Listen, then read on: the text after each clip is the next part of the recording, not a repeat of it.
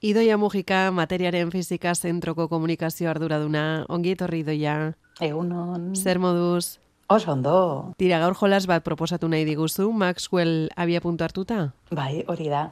A ber, gai baten bila ibiltzen gera beti eta aspaldi nahi nizuen pixka bat kontatu zer dan matematika zientzialarientzat eta zergaitik handiran hain interesgarriak eta hain garrantzitsuak.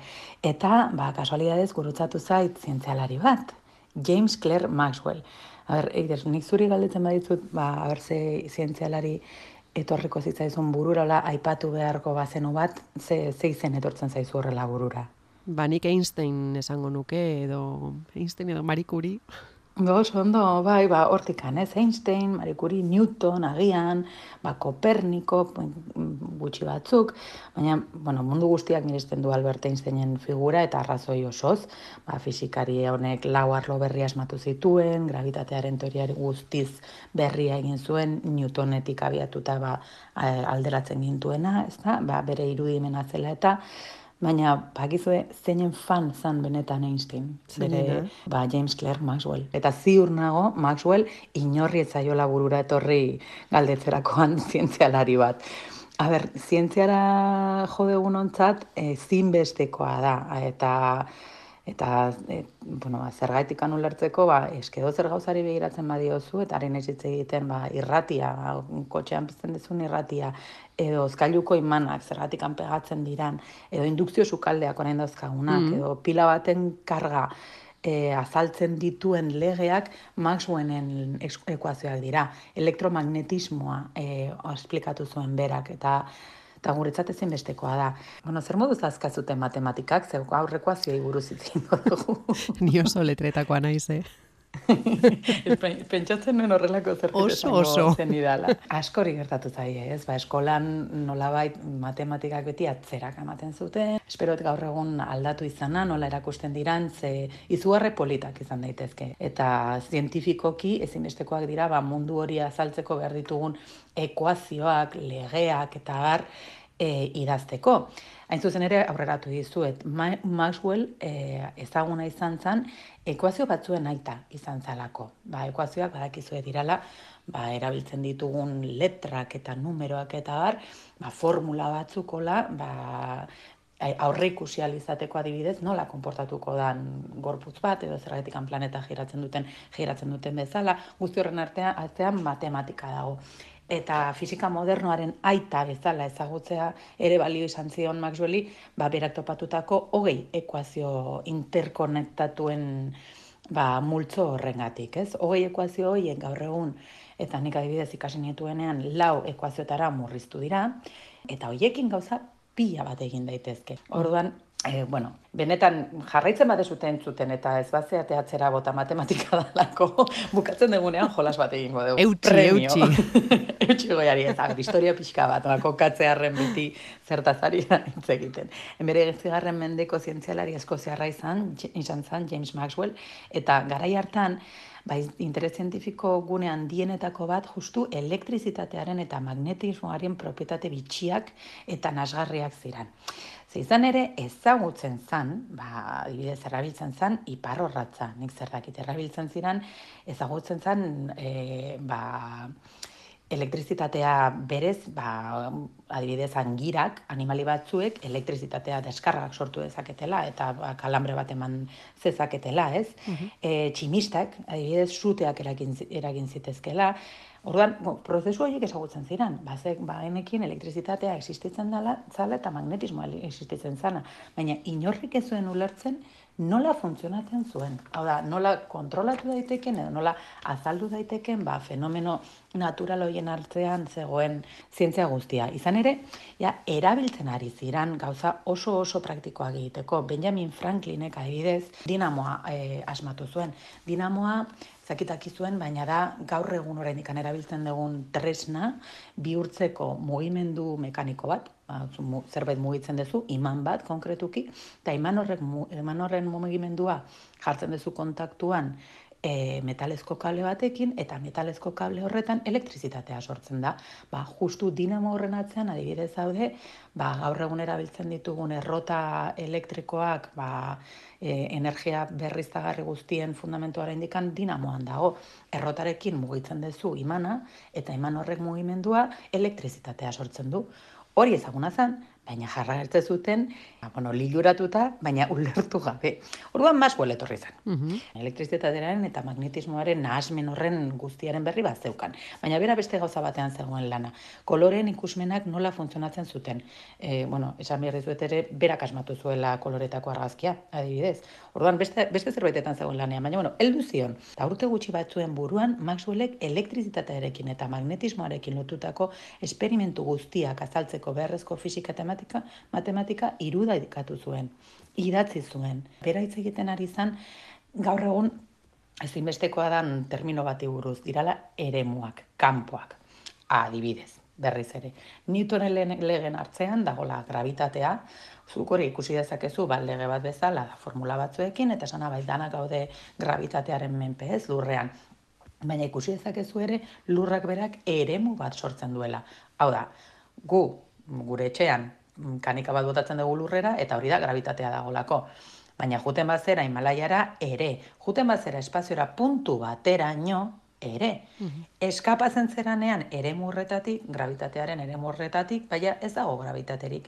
Ba, ere hori, kontzeptu hori, aplikatu daiteke ere elektrizitateari eta magnetismoari. Hau guztiz berria zen. Maxwell ezan izan lehenengoa ere muei buruz hitz egiten, baina bai izan zen lehenengoa, matematikaren bidez mugatzeko ba, ere muoien limiteak ez, eta mm. paperean jartzeko e, ere muoiek zertziran. Orduan, berak esan zuen, elektrizitatean pentsatu, pentsatzen badezu, magnetismoan ere pentsatu behar dezula. Biak gauza berdina dirara. Eta bata bestearekin daude horrela.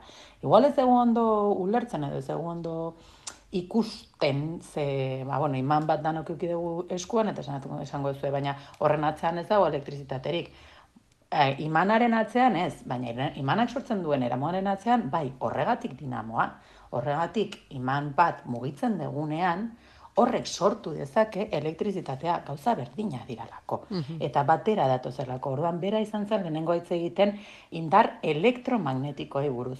Eta, ba, horregatik esaten zaio, bera dela bateratzaile aparta. Ze zientzialari guztiak gari ziren burua uste batean, saiatzeko esplikatzen, ze gertatzen den elektrizitatearekin, ze gertatzen zen magnetismoarekin, eta batu zituztenean orduan asaldu ziteken gertatzen ari zen guztia.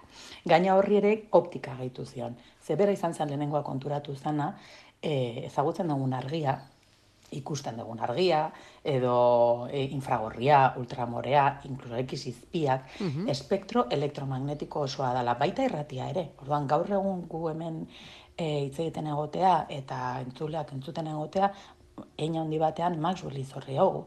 Bere esan zan lehenean, lehenengoa esaten, ba hori, indarroiek uinak dirala. Eta propagatzen ari dana dela, uin elektromagnetiko bat. Daukala, zatitxo bat elektrikoa eta zatitxo bat magnetikoa. Oran, buruan euki, ba, ze punturaino euki egun Maxwell gure artean jakin gabe, ez? Eta agian horregatik ere, Newtonek esaten zuen, bera, hain aparta izan zala, ba, beti ibilizalako erraldoien sorbalden gainean, ez? Mm -hmm. Erraldoien bizkarrean.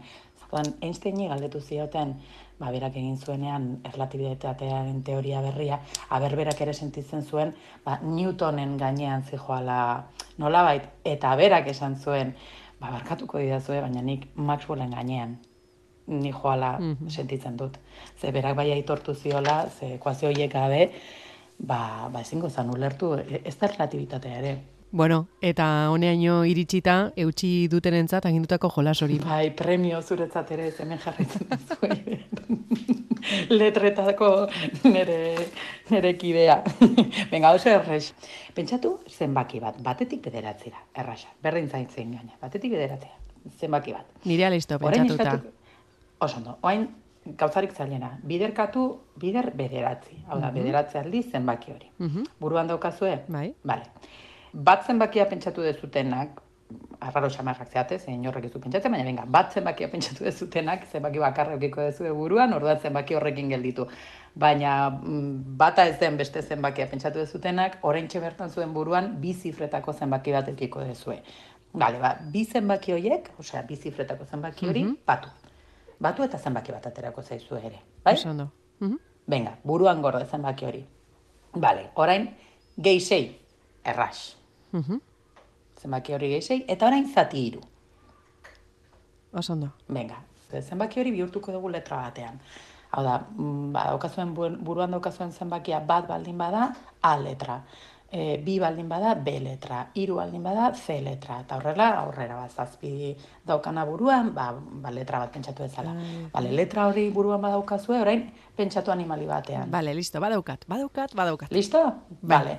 Ba, ziur nago, ondo egin baituzu eragiketak, momentu hontan entzule guztien artean dagoen animalia elefantea dela. Zuen buruetan elefante bat sartu zaizuela.